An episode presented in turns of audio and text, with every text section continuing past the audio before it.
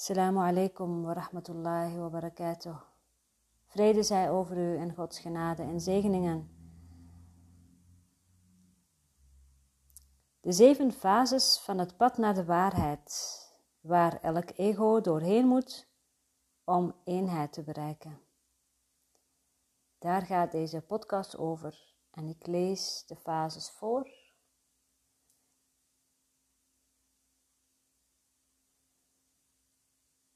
Met momenten van verstilling en overdenking, bezinning.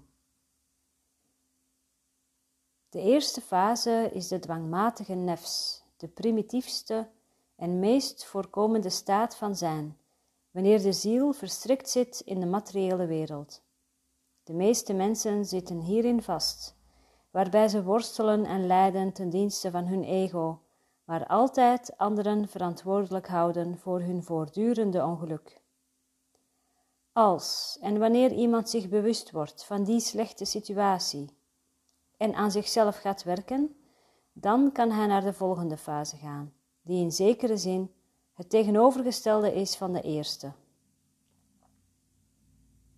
In plaats van dat hij voortdurend andere mensen de schuld geeft, geeft iemand die deze fase heeft bereikt voortdurend zichzelf de schuld. Soms zelfs tot het punt dat hij zichzelf compleet wegcijfert. In deze fase wordt het ego de beschuldigende nefs en zo begint de reis naar innerlijke zuivering. Dus de eerste twee fases zit nog heel veel schuld in. De dwangmatige nefs, de meest primitiefste en meest voorkomende staat van zijn, wanneer je ziel verstrikt is in de materiële wereld. En dan komt er een wake-up call. En dan beginnen we te zien dat wat daar buiten is, een projectie is van wat binnen aanwezig is. En dan gaan we kijken naar onze onbewuste schuld. Dat betekent dat we verantwoordelijkheid gaan nemen. In deze fase gaan we dus de schuld op onszelf nemen. Uh, spijt krijgen van de dingen bijvoorbeeld, terugkijken naar het verleden. En daar kun je heel diep in gaan ook onbewust.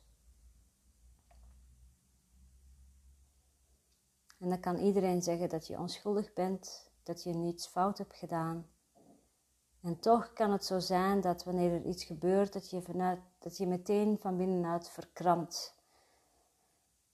En je heel erg naar voelt. Een pijn in je buik, een stomp in je maag, een gevoel van slechtheid. En daar zit een conditionering, daar zit een gedachte dat je iets fout hebt gedaan en dat je schuldig bent. En die gedachte is zowel persoonlijk als collectief. Het is verbonden met elkaar. En jouw taak is naar jouw eigen stuk te kijken. Mijn taak is naar mijn stuk te kijken. En op die manier brengen we dus vrede in de wereld door die reis naar binnen te maken. En dat kan uh, een tijd duren, die tweede fase.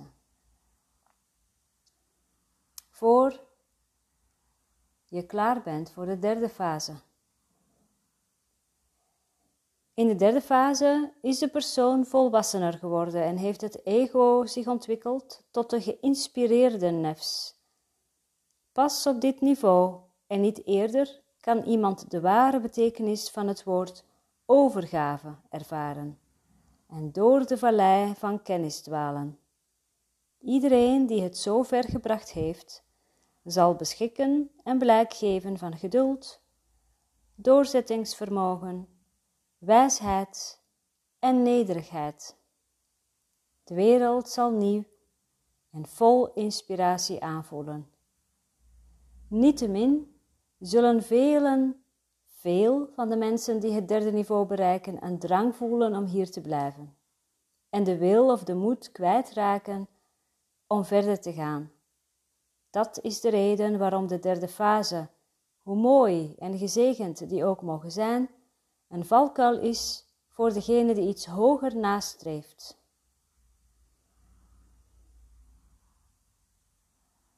Alles begint te stromen in het leven. Je wordt je bewust van de overvloed van het universum, van de synchroniciteit. Er zijn geen toevalligheden meer. Ineens verschijnen bepaalde personen op je pad en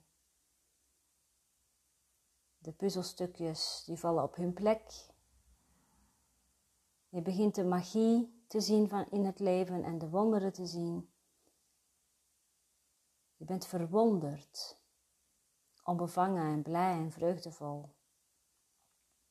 En er is meer vertrouwen, meer dan ooit, dat je een deel bent van een groter geheel en dat jij je functie mag vervullen die God jou gegeven heeft. God, het universum, de kosmos.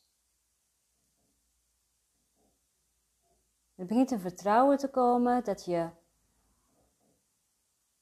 dat het klopt, dat waar je bent,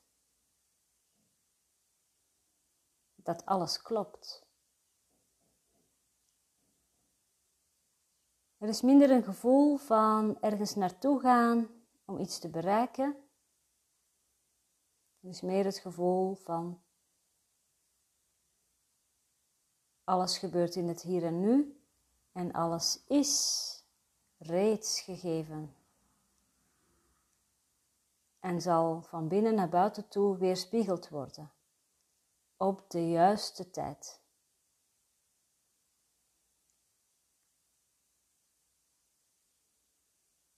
Je bent onderdeel van een proces en er is geen manier om processen te versnellen. Er is geen manier om te zorgen dat de volle maan veel sneller weer een nieuwe maan is. We weten dat de maan een bepaalde cyclus heeft.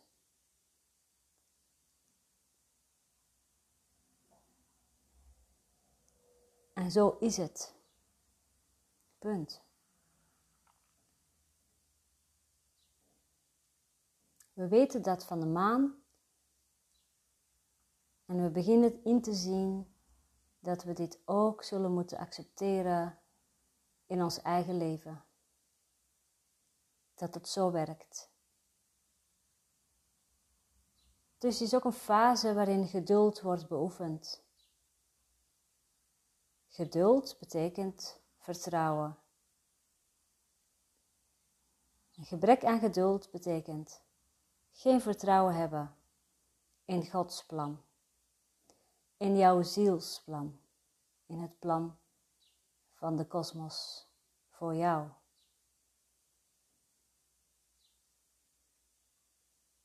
De derde fase. Een grote transformatie voor velen. En ook deze fase kan heel lang duren.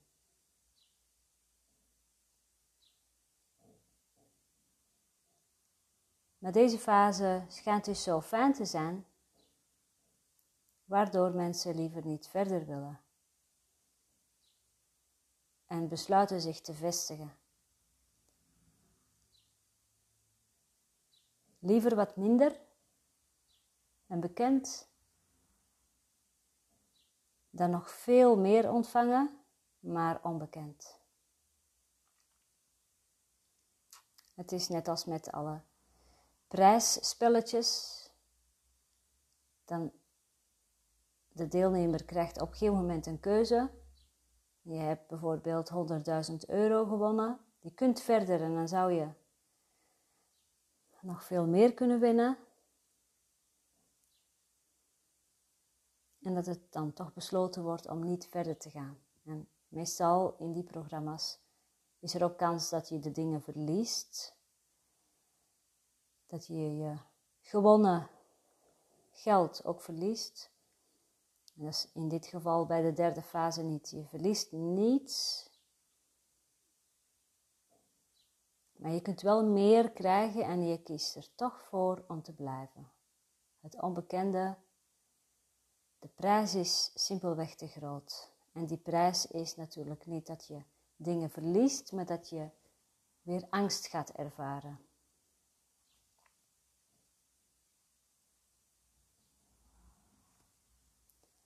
Degenen die wel weten verder te komen, bereiken de vallei van het losmaken en leren de tot rust gekomen nefs kennen.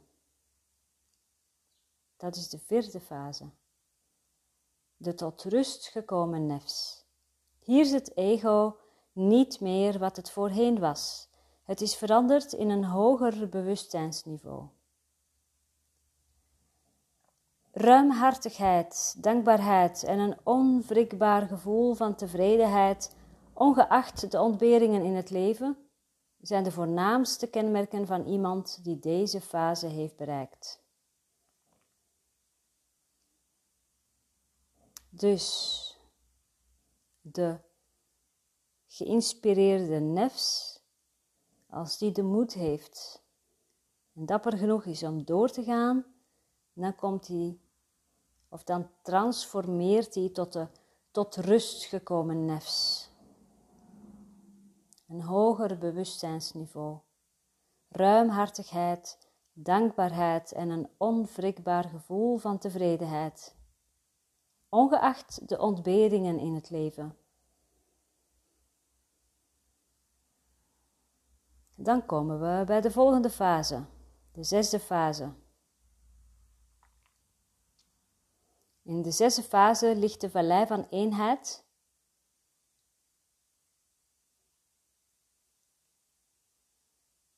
En wordt men de onderwerpende nefs. Dus voorbij de vallei van het losmaken ligt de vallei van eenheid. Wie zich daar bevindt, zal zich onderwerpen aan elke situatie waarin God hem brengt. Wereldse zaken maken hem niets uit, want hij heeft de onderwerpende nefs bereikt. Het is een fase van overgave er is geen gehechtheid aan wereldse zaken. En dat is de toestand van, uh, waarin de leermeester van Rumi zich bevond. Shams Tabrizi. Een zwervende monnik, derwish is het woord, die zich onthecht heeft van wereldse zaken.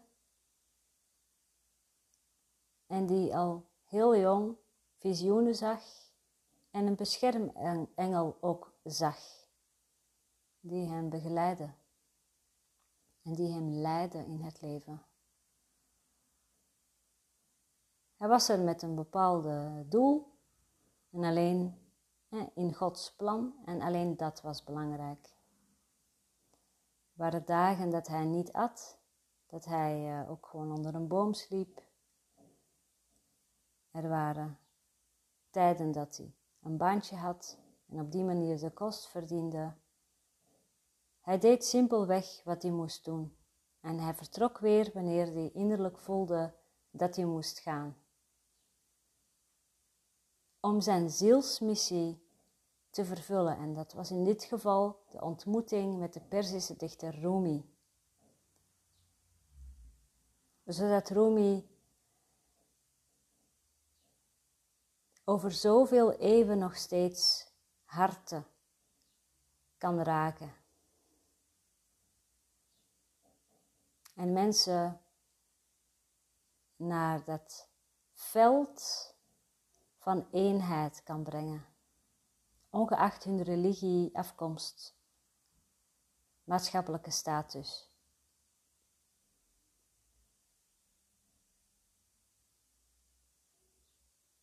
De onderwerpende nefs. De volgende fase is de onderworpen nefs. Dan wordt iemand een lantaarn voor de mensheid en straalt hij energie uit naar iedereen die erom vraagt.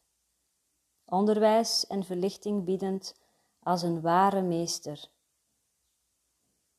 Soms kan hij over genezende krachten beschikken. Overal waar hij gaat, zal hij een groot verschil maken in het leven van andere mensen. In alles wat hij doet en verlangt, is het zijn voornaamste doel om God te dienen door anderen te dienen. Dat de zesde fase. Lantaarn voor de mensheid. Energie uitstralen naar iedereen die erom vraagt. Onderwijs en verlichting biedend, als een ware meester.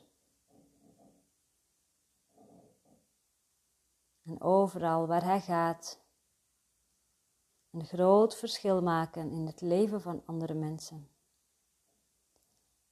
En het voornaamste verlangen is God te dienen, door anderen te dienen.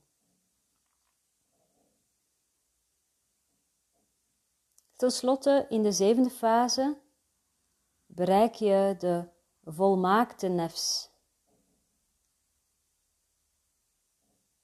Een volmaakte mens. Maar niemand weet veel over die toestand. Hoe is het om volmaakt te zijn? En zelfs al is er af en toe een enkeling geweest die er wel iets van wist, dan zou diegene er niet over praten. Dan valt er eigenlijk ook gewoon niets meer te zeggen.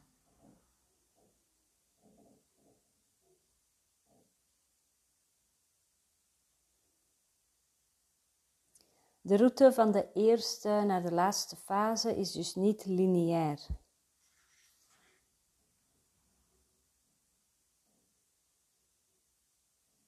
Kunt eerder zeggen dat het verticaal is, de diepte in en omhoog. En de reis gaat daar van boven naar beneden. Misschien herken je dat ook, dat er momenten zijn waarin je heel vrij was in je geest en je lijkt dat weer kwijt te raken en vast te zitten in de materiële wereld. Dus dit is voortdurend in beweging.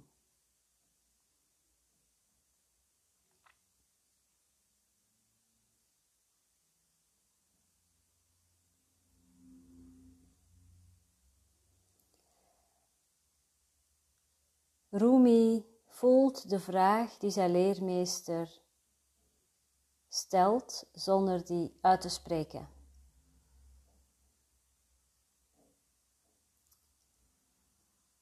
Die vraag komt binnen. De vraag die Shems stelt aan Rumi zonder woorden te gebruiken, gewoon met een blik.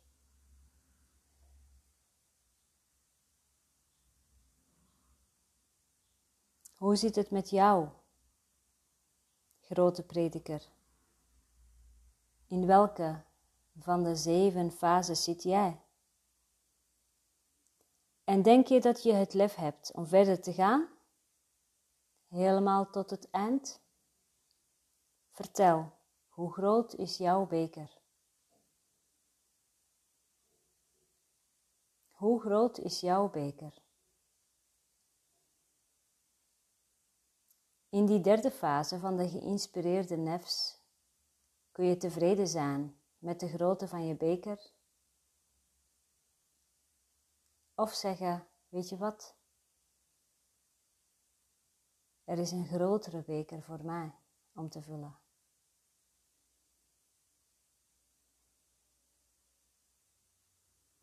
Hier kan nog meer in. Ik ga verder.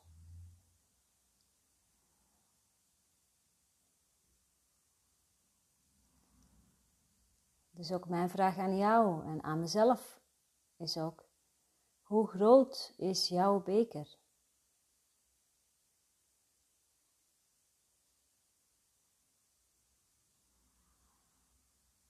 En stel die vraag niet mentaal aan jezelf, maar ga voelen.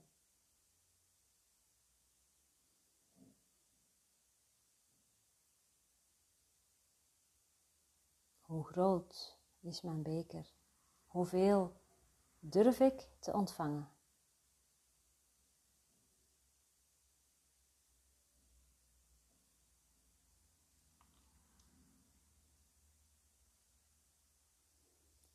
Ten slotte de bronvermelding. Liefde kent 40 regels. Een roman over het vinden van liefde en inspiratie. Schrijfster is Elif Shafak, een hele bekende Turkse schrijfster. Uitgeverij De Geus.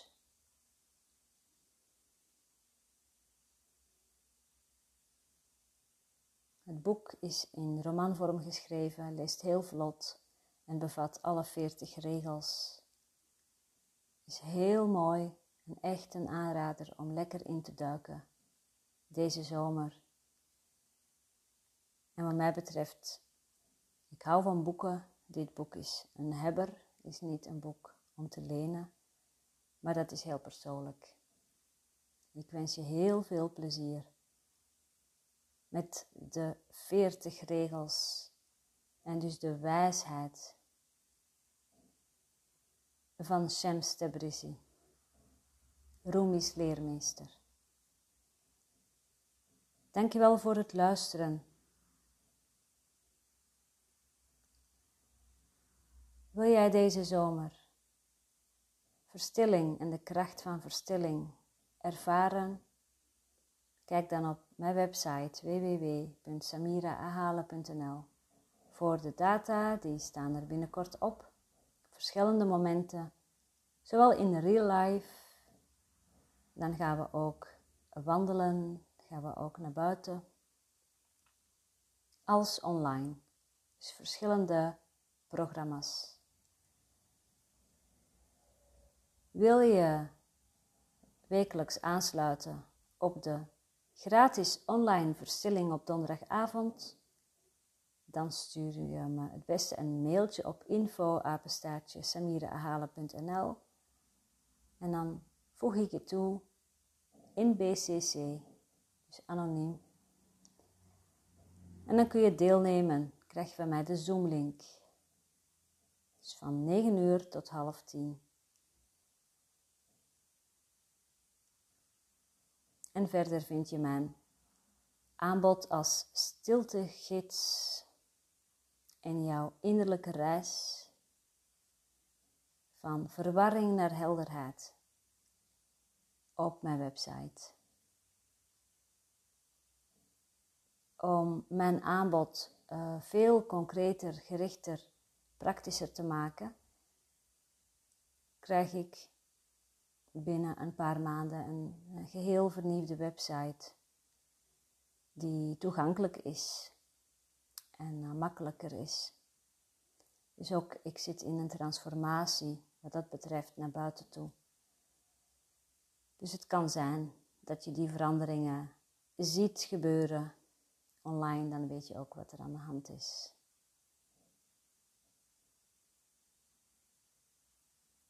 Assalamu alaikum wa rahmatullahi wa barakatuh. Vrede zij over u en Gods genade en zegeningen.